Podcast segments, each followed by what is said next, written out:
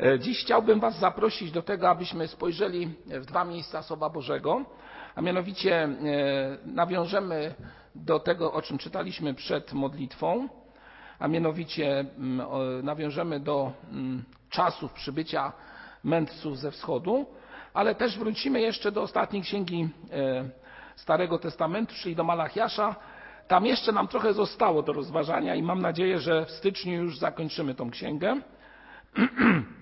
Potem Was zaproszę do nabycia książki na ten temat i przeanalizowania jej w domu. Oczywiście ze Słowem Bożym. Dobrze, zanim przejdziemy do księgi Malachiasza, moi drodzy, e, chciałbym Was zaprosić do, e, e, do próby, tak bym powiedział, charakterystyki głównych postaci, które są związane z przybyciem, z przybyciem mędrców ze wschodu do Betlejem. Oczywiście każdy z nas powie, że głównymi postaciami, które są tam w jakiś sposób wyodrębnione, e, czy też pokazane tak bardzo barwnie, to oczywiście postać króla Heroda, tak? Potem e, mamy postać e, tych, których Herod pyta, gdzie narodził się, czy też gdzie ma narodzić się nowy król. O kogo chodzi? Kapłani, tak? E, często mówimy, że to była ta przywódcza grupa ludzi w sferze religijnej oraz e, mędrcy ze wschodu. Tutaj nie będziemy wchodzić w szczegóły, czy było ich trzech, czy był jeden. Nie wiemy dokładnie. E, w naszym kraju niektórzy dali im imiona, my jesteśmy dalecy od tego. Przybyli, złożyli w darze konkretne, no można powiedzieć, błogosławieństwa dla rodziny dla Pana naszego Jezusa Chrystusa, które miały konkretny wymiar, o czym już w tym miejscu też kiedyś mówiłem. A więc rozpocznijmy od Heroda. Gdybyśmy spojrzeli na tego człowieka, to co czytamy o nim? A gdy to usłyszał Herod, drugi rozdział Ewangelii Mateusza, trzeci wiersz. Zatrwożył się, a z nim cała Jerozolima. Dlaczego się zatrwożył? Albo jaką wiadomością zatrwożył się Herod? A więc czytamy w drugim wierszu e, pytanie tych, którzy przybyli do Jerozolimy. Gdzie jest nowonarodzony, uwaga, król żydowski? No, moi drodzy, Herod to jest bardzo barwna postać, przyjaciel Cezara i człowiek, który, e, no, można je powiedzieć, miał wielkie przywileje. Nie był do końca Żydem, był Idumejczykiem, czyli można je powiedzieć, pochodził z terenów Jordanii dzisiejszej, a więc był człowiekiem, który no, doszedł do bardzo silnej pozycji na rękach albo na, e, na skutek tego, że miał e, dobre koneksje i dobre przyjaźnie, o tak byśmy powiedzieli. Co nie umniejsza temu, że władzę sprawował bardzo konkretnie i można je powiedzieć po e, tak zwanym e, tym, co pozostawił, że jego władza przynosiła, czy też przyniosła w tamtym czasie no, wiele takich spektakularnych osiągnięć, także i architektonicznych. To ten człowiek, to ten człowiek dokonał prawdziwego odnowienia i można je powiedzieć, e, no, upiększenia, e, szczególnie też barwnego upiększenia świątyni w Jerozolimie. Pamiętamy, że w księdze Malachiasza czytaliśmy o tym, że e, świątynia już stoi, ta druga świątynia po powrocie e, Judejczyków e, z niewoli babilońskiej, ale ta świątynia tak ze względu na słabe finanse była taka nieciekawa specjalnie, jeśli chodzi o kwestie bogactwa i, i wykończenia i wielu innych spraw, przynajmniej tak mówią źródła historyczne. I dopiero kiedy Herod przychodzi, 450 lat później, to on to, co już było wybudowane, jak gdyby stawia na nowo i jest coś pięknego. Ale to są dodatki. Co jest charakterystyczne, jeśli chodzi o tego człowieka? Ten człowiek był człowiekiem bardzo strachliwym, obawiającym się o swoją pozycję, którą, jak wiem, był przyjacielem władz ówczesnych rzymskich. Był tak zatrwożony, że niektórzy mówili, E, że lepiej być, i to jest cytat dosłowny, e, lepiej być świnią w domu Heroda niż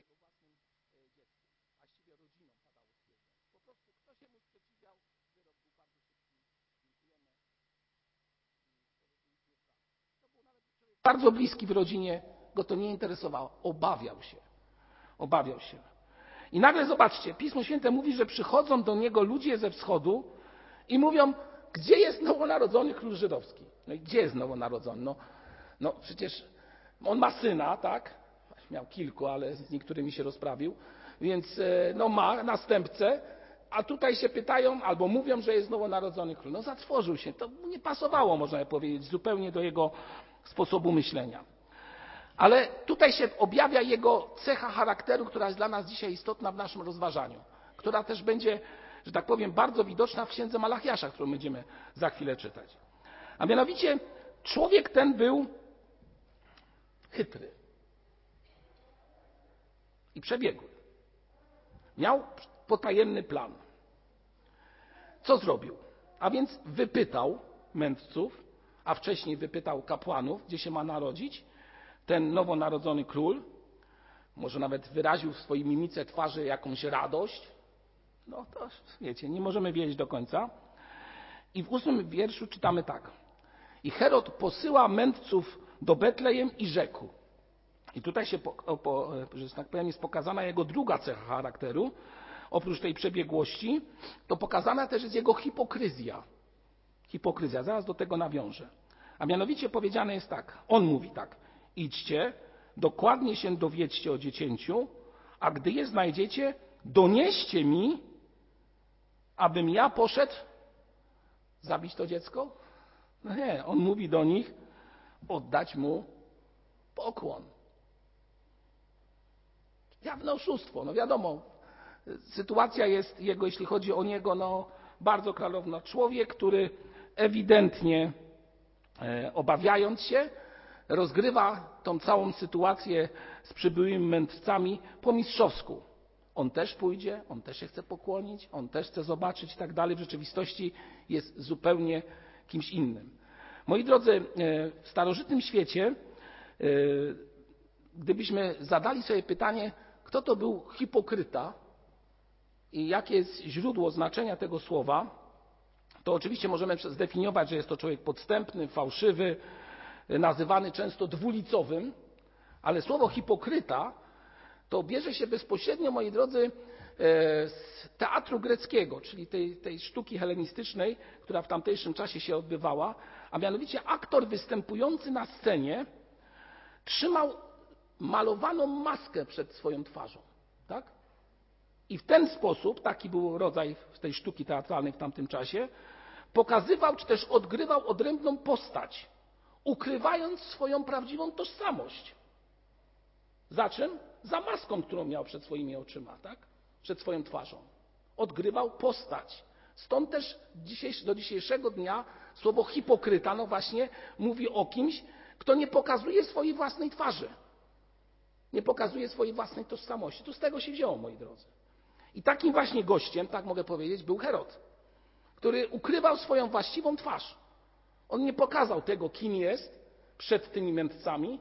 Lud wiedział, ale on przed nimi zagrał rolę człowieka, który no, troszczy się, nawet chce iść ukłon złożyć, pokłon złożyć. Drugą grupą ludzi, którą widzimy tutaj, to są ci, którzy są następcami e, kapłanów, przywódców ludu, o których czytamy w księdze Malachiasza i do których zaraz tutaj powrócimy. A mianowicie czytamy w czwartym wierszu, e, gdy się zatworzył Herod, to trzeci wiersz, a potem czwarty, gdy zatworzył się Herod i zgromadził wszystkich arcykapłanów i nauczycieli, czwarty wiersz, ludu, wypytał ich, gdzie się ma Chrystus narodzić, a oni mu rzekli, Betlejemie Judzkim, bo tak napisał prorok. I ty, Betlejemia, ziemi judzko, wcale nie jesteś najmniejsza między książęcymi miastami, z ciebie bowiem wyjdzie wódz, który paść będzie lud izraelski. Więc kolejni, można je powiedzieć, e, ludzie, którzy, no tak bym powiedział, to byli ludzie, którzy byli samozadowoleni ze swojej pozycji. U Heroda w sumie nie było im najgorzej. E, pozycję mieli dosyć dobrą i e, bardziej liczyła się egzystencja, ta doczesność, niż to, co faktycznie głosi konkretne poselstwo. I to, że widzą, że ludzie z daleka przychodzą i trudzą się, aby coś konkretnego przyjść i zobaczyć. Czy oni idą z tymi mędrcami, jako ci, którzy są, e, że tak powiem, na czele duchowej strony Izraela? Nie, oni to po prostu zlekceważyli. Lekceważą e, to poselstwo i mówią, a jacyś nawiedzeni ludzie ze wschodu przyszli, niech sobie idą. Tak było, tak jest powiedziane o tej ziemi. I generalnie no, zachowują się jak cynicy, albo też można je powiedzieć jak ludzie, którzy mają pozór pobożności na swojej twarzy, a w rzeczywistości serce dotyczy, albo serce zmierza tylko i wyłącznie w kierunku tej doczesności. To się liczy. To się liczy. I teraz właśnie pozwólcie, że przejdziemy do księgi Malachiasza, gdzie czytamy o podobnej sytuacji, która była w Izraelu. Nie podobnej, że narodził się Chrystus, ale, ale podobnej, jeśli chodzi o zachowania przywódców ludu w tamtym czasie. Otwórzmy rozdział trzeci Księgi Malachiasza. I teraz, e, moi drodzy, w tym, w tym fragmencie od 13 wiersza czytamy takie słowa. Zuchwałe są wasze słowa przeciwko mnie. I to, te, to sprawa dotyczy tych, którzy byli na czele ludu izraelskiego. A więc Malachiasz mówi: Zuchwałe są wasze słowa przeciwko mnie, mówi Pan. A wy mówicie: Cóż to takiego mówiliśmy przeciwko tobie? Zobaczcie, ta ciekawa narracja, tak? Pyta, oni odpowiadają. A więc e, kapłani, przywódcy mówili tak: Mówiliście tak, próżna to rzecz służyć Bogu. Jaki pożytek z tego, że przestrzegamy Jego przykazań i że chodzimy w pokutnej szacie przed Panem zastępów? I teraz popatrzcie, jak jest, jaka jest dalsza ich narracja. My uważamy raczej zuchwałych za szczęśliwych, gdyż powodzi im się dobrze, chociaż bezbożnie postępują. A nawet kuszenie Boga uchodzi im bezkarnie. Słuchajcie, drodzy moi, te słowa e, wypowiedziane przez przywódców ludu izraelskiego, judejskiego właściwie, e, no, są takimi słowami, jak ja to mówię, z pogranicza. Oni tutaj już wypowiadają te słowa tak bardzo ostro, bardzo ostro mówiąc, po pierwsze, jaki pożytek z przestrzegania przykazań? No moi drodzy, no wyobraźcie sobie, że ja teraz wam powiem, jaki pożytek z czytania Ewangelii, no. No to powiecie, heretyk, no. Niewierzący. A oni mówią, dalej, próżna to rzecz służyć Bogu. No kolejna sprawa, słuchajcie, yy, nie wiem, może ktoś z nas y, mówi, że służba Bogu jest, y, powinna być taka lub inna, ale generalnie nikt nie kwestionuje tego, że należy, czy też Bóg chce tego, pragnie tego od nas, abyśmy Mu służyli tym, w co nas wyposażył, darami, talentami i tak. A oni mówią, próżna to rzecz służyć Bogu. Dalej, i chociaż w pokutnej szacie i i że chodzimy, to jest to w nawiązaniu do pożytku, i że chodzimy w pokutnej szacie przed Panem zastępów. Tutaj odnosi się prawdopodobnie do tego, że oni pościli, mieli pokutną szatę i zadają, rozmawiając z Bogiem, pytanie: No i, i, i właściwie to po co to, że pościmy, że mamy pokutną szatę? Jaki pożytek z tego? Jaki pożytek z tego? Słowo, które tutaj pada, to kolejna bardzo ciekawa informacja, mianowicie jaki pożytek. To był termin techniczny w języku oryginalnym. To akurat jest przeczytany z książki, więc posłużę się tutaj dokładnie cytatem. Mianowicie opisuje tkacza, który odcina od krosna kawałek materiału. I wtedy ten kros, no wiadomo, że ta szata już nie ma żadnej wartości. Jaki jest pożytek z niej? Żaden. W tym kontekście pada to słowo, ale też w kontekście tego, że niektórzy próbowali, czy też domagali się od Boga E, udziału w tym, kim on jest, ale udziału nie duchowego, tylko materialnego. Udziału w tej tak zwanej szacie Bożej. Pamiętacie, wspominaliśmy o tym, że w, w tamtym czasie w Judei było takie powszechne mniemanie, że no, ten nasz Pan Bóg nas wyzwolił, ale teraz niech nas wyposaży. Przecież my wszystko poświęciliśmy, budujemy mury i tak dalej, i tak dalej. Okazuje się, że y, ta mowa i te stwierdzenia nie wpływają dobrze na tych, którzy tego słuchają.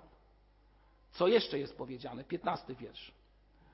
Posłuchajcie słów z piętnastego wiersza. my uważamy raczej zuchwałych za szczęśliwych. Gdyż powodzi im się dobrze, chociaż bezbożnie postępują. I teraz popatrzcie, już szczyt, można powiedzieć, tej takiej narracji, która pada z ust tych, którzy stoją na czele. A nawet kuszenie Boga uchodzi im bezkarnie. A nawet kuszenie Boga uchodzi im bezkarnie. Jakbyśmy nazwali tą mowę, którą tutaj czytamy, tych, którzy stali na czele ludu judzkiego? Moi drodzy, to jest mowa pełna mowa, e, można je powiedzieć, skargi albo obrażenia się na Pana Boga. Moje pytanie, czy zdarzyło Wam się kiedyś obrazić na Pana Boga? No, ale słuchajcie, szczerze, moi drodzy, czy kiedykolwiek zdarzyło Ci się nawet pomyśleć, że miało być tak dobrze, jest inaczej, gdzie Ty, Panie Boże, jesteś? Ja myślę, że wielu ludzi ma z tym problem. Może nawet nie tutaj, na tej sali, w tym miejscu, ale myślę, że wokół nas często słyszy się takie głosy. Obrazy na Pana Boga. Obrazy na to, że przecież no, powinno być inaczej. Przecież Pan Bóg, który jest Bogiem dobrym, powinien inaczej, że tak powiem, działać w moim i w życiu obok, ludzi obok nas żyjących. Czy zdarzyło nam się kiedyś powiedzieć, że ci, którzy żyją obok nas, którzy w Boga nie wierzą, są bardziej szczęśliwi niż my? Czy zdarzyło nam się powiedzieć, że lepiej im się powodzi niż nam? O to często, tak? Bo tak jest po prostu. I chociaż bezbożnie postępują, a nawet kuszenie Boga uchodzi im bezkarnie. Powiem tak po ludzku. Czasami myślę sobie, mówię, jak to jest, jak to jest, że znam wielu ludzi, którzy całe swoje życie oddali Bogu i powiem tak jednym, tak można powiedzieć, sloganem i mają podgórkę. Mają po prostu trudną sytuację w swoim życiu. Jak to jest? I często rodzi się właśnie taka myśl, aby zacząć Bogu wyrzucać coś, co jest oskarżeniem Boga, wyrzucaniem Bogu Jego niesprawiedliwości, mową zniechęcenia. Ja bym to nazwał nowotwór duchowy. Rozprzestrzenia się bardzo szybko, moi drodzy. Tak? Ostatnio słyszałem takie zdanie, że tak jak organizm nie odrzuca, przynajmniej większość, jeśli chodzi o kobiet, nie odrzuca e, tworzącego się nowego życia w człowieku, tak właśnie bardzo często jest też tak, że organizm nie potrafi się uporać w działającym w organizmie nowotworem. I często bywa tak, że nie potrafimy uporać się w sposób duchowy, chociaż jesteśmy silni duchowo i bardzo długo jesteśmy z Bogiem, idziemy przez życie, nie potrafimy się uporać z myślą, która powoduje, że porównujemy się z kimś. A najbardziej nas denerwuje to, że ktoś ma lepiej niż my. I jeszcze raz powtórzę, nie mówię, że wszyscy tak mają, ale wielokrotnie słyszę, także i w naszym zborze, a szczególnie poza nim, kiedy rozmawiam z ludźmi, ten problem. Dlaczego Bóg jest tak niesprawiedliwy? Mówię to w kontekście tego, o czym też mówiłem wcześniej. Bo zadaję sobie pytanie, jak to jest, że człowiek potrafi swoimi ustami wielbić Boga, a z drugiej strony potrafi temu Bogu tak wiele rzeczy złych powiedzieć. Jak to jest, że ci, którzy stali na czele narodu judzkiego, izraelskiego, tak byśmy powiedzieli, którzy mieli za zadanie prowadzić ten lud do Boga, zakładali jakby drugą maskę i stali przed Bogiem, dyskutując z Nim albo wypominając Mu niesprawiedliwości, które uważali, że są ich udziałem. W dzisiejszym czasie, moi drodzy, też można znaleźć wiele takich spraw, które są wokół nas, e, które próbują, że tak powiem, e, zniszczyć obraz dobroci Boga. Trzy może tak wymienię tutaj, które niech będą tylko jakimś takim nawiązaniem do tego, o czym mówimy. Pierwsza sprawa to liberalizm, albo jak niektórzy mówią, teologia liberalna, tak? która na przykład mówi, że Biblia nie jest e, wcale wielkim sługą, lecz straszliwym panem, piętnującym wszystko, która zaprzecza boskości Jezusa. Niby wierzący, niby chrześcijanie, a w rzeczywistości zupełnie coś innego przedstawiający. Dalej cynizm. Cynizm wśród ludzi, który to powoduje, że człowiek zamiast szczerze wielbić Boga, sarkastycznie mówi, e, tam, ja tu wszystko poświęcam, a ten Bóg taki jest. Ostatnio na pewno słyszeliście o tym, że mm,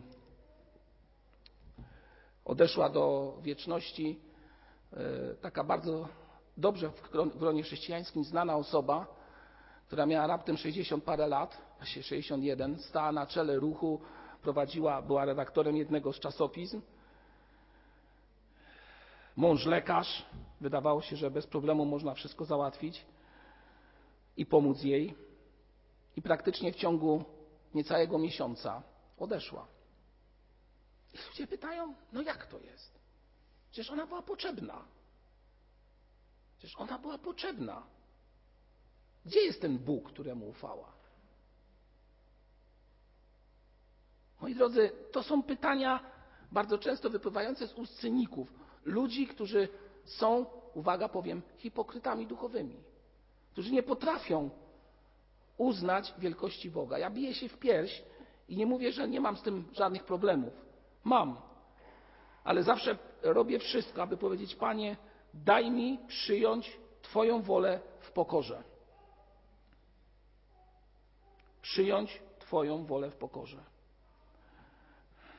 Jest psalm, który bardzo dobrze oddaje to, o czym mówimy, a mianowicie psalm 73. Trzeci wiersz. Bo zazdrościłem zuchwałem, widząc pomyślność bezbożnych, albowiem nie mają żadnych utrapień. Zdrowe i krzepkie jest ich ciało. Znoju śmiertelników nie znają, nie doznają i no, nie spadają na nich ciosy jak na innych ludzi. Człowiek wierzący mówi w ten sposób: I zazdrościłem zuchwałem. I zazdrościłem zuchwałem, moi drodzy. To może pojawić się w Twojej duszy, ale nie bądź w tym momencie człowiekiem, który przybiera jakąś maskę, tylko uporaj się z tym, o czym teraz mówię, prosząc Boga o pomoc.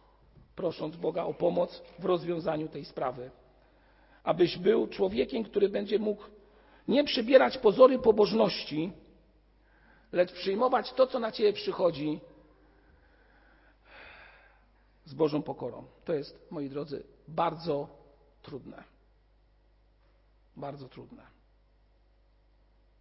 Bo to pokazuje, jaka jest faktycznie Twoja i moja motywacja w służbie Chrystusowi. Pokazuje to, jaka jest moja bezpośrednia relacja z Bogiem kiedy właśnie takie sprawy dzieją się w moim życiu? Czy jestem człowiekiem, który e, potrafi znieść wszystko w pokorze i powiedzieć Bogu: Taka jest Twoja wola. Naucz mnie, Panie, przyjąć Twoją wolę. Czy też zachować się tak, jak Herod się zachował, tak? Przebiegle pokombinować, coś tam zrobić, tutaj pokłonie się, a w rzeczywistości swój własny interes załatwić, bo przecież Boga nie ma, to co ja się będę z Bogiem liczył, nie?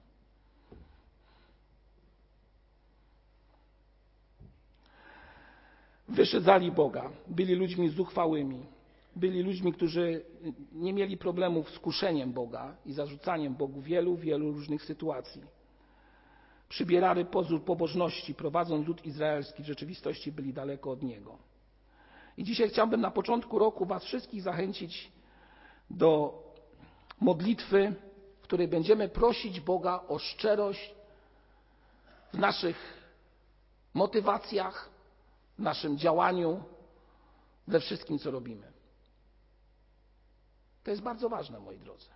Abyśmy byli przed Bogiem do bólu szczerzy.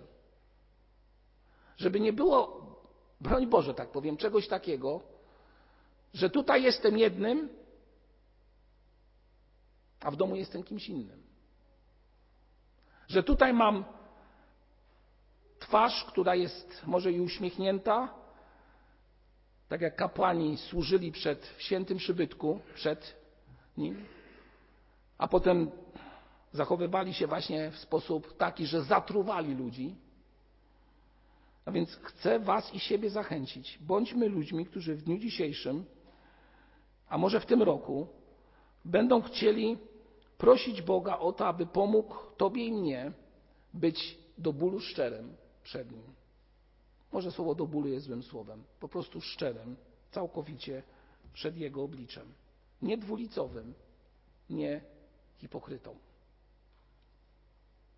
Bóg brzydzi się czymś takim. Bóg brzydzi się taką postawą.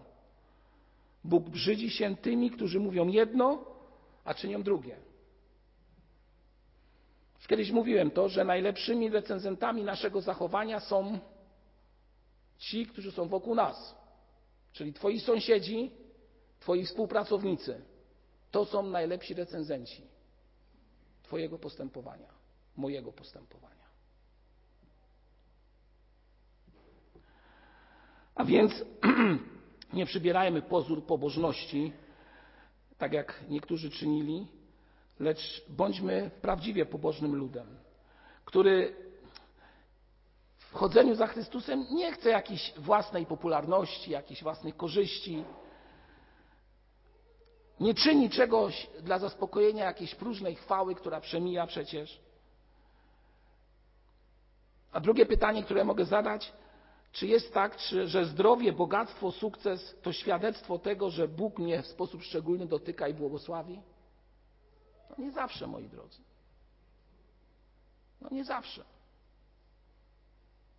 Dlatego pobożność, ta prawdziwa pobożność charakteryzuje się tym, że ja idę za Bogiem na dobre i na złe. I tutaj powrócę do tego, od czego rozpocząłem. Mówiłem o Herodzie, mówiłem o kapłanach, a teraz pozostają jeszcze ci, którzy przyszli ze wschodu. Tak? I to jest bardzo ciekawa, to są bardzo ciekawe postacie lub postać. Zostawmy już nazewnictwo, jaka ich była liczba. Powiem tak, nieoczekiwani słudzy, idąc e, rozumieniem Nowego Testamentu. Nieoczekiwani słudzy w nieoczekiwanym miejscu. Przybyli po coś, przeżyli, coś zostało im objawione. Podążają, aby oddać pokłon Panu. Nie byli ludźmi uprzywilejowanymi religijnie, tak jak Izraelici, bo do tego miejsca zdążali, ale jednak oddają Bogu cześć. Oddają Bogu cześć. Bezinteresownie idąc taki kawał drogi. Uwierzyli, że w Jezusie mogą zobaczyć wielkiego króla. Uwierzyli w to. Moi drodzy, Podstawą pobożności jest wiara w to, że Jezus jest prawdziwie królem na ziemi i w niebie, że jest królem Twojego życia. Moi drodzy, to nie jest wcale tak oczywiste dla wielu w tym świecie. Bo słowo król znaczy ten, który panuje. A jeżeli on panuje, no to domaga się pewnych rzeczy od ciebie i ode mnie. Więcej, jeżeli panuje, to on ma moc i siłę do tego, aby piętnować pozory Twojej i mojej pobożności, bo jest królem. I to nie jest straszenie, moi drodzy, tylko prawda, która wynika ze Słowa Bożego. A więc chcieli zobaczyć króla, nowonarodzonego króla, jak mówią. A co zobaczyli? Gdy przyszli do Betlejem. Zobaczyli niemowlę w kiepskim miejscu I co zrobili, kiedy zobaczyli to niemowlę? Powiedzieli, e, to pomyłka, wracamy. Tak? Wychodzimy, jak to w niektórych było, tak? z tego miejsca. Nie, nie, nie, moi drodzy. Oni oddali pokłon. Można powiedzieć, dziwnej, dziwnej sytuacji, dziwnym ludziom, małemu człowiekowi, bo było w ich sercach, w ich sercach była wiara. Wiara na dobre i na złe. Oni mogliby się, jak to niektórzy mówią po angielsku, się wycofać, tak? Zakładając maskę, to chyba pomyliliśmy się, idziemy gdzie indziej. Nie, oni oddali pokłon, idąc tak daleko. I zobaczywszy to, co się, co, może nawet tego, czego nie oczekiwali, do końca byli wierni. Moi drodzy, w waszej, mojej drodze przez życie, w nowym roku, w którym jesteśmy, możemy doświadczyć różnych trudnych sytuacji. Sytuacji, których się nie spodziewamy. Albo możemy doświadczyć sytuacji, które są w planach naszych, ale inaczej sobie je wyobrażamy. Będą one inaczej wyglądały i powiemy, no, czy faktycznie za tym stoi Bóg? Moi drodzy, proszę Was i siebie. Po pierwsze, nie obrażajmy się na Pana Boga, kiedy przyjdą różne sytuacje w naszym życiu. Po drugie, zawierzmy Królowi w pełni. Zawierzmy Mu we wszystkim w pełni. Na dobre i na złe, na to, co się spodziewamy i czego się nie spodziewamy. Zawierzmy i powiedzmy, Panie, ja ufam Tobie. Zawierzmy we wszystkim. Po trzecie, nie bądźmy ludem, który będzie siał, tak jak powiedziałem tutaj, mowę zniechęcenia, mowę, która stanie się niczym nowotwór, która będzie się rozprzestrzeniała w sercach wielu. Bądźmy ludem, który zachęca na dobre i na złe. Niech Was Pan Bóg prowadzi i błogosławi. Powstańmy do modlitwy. Zapraszam.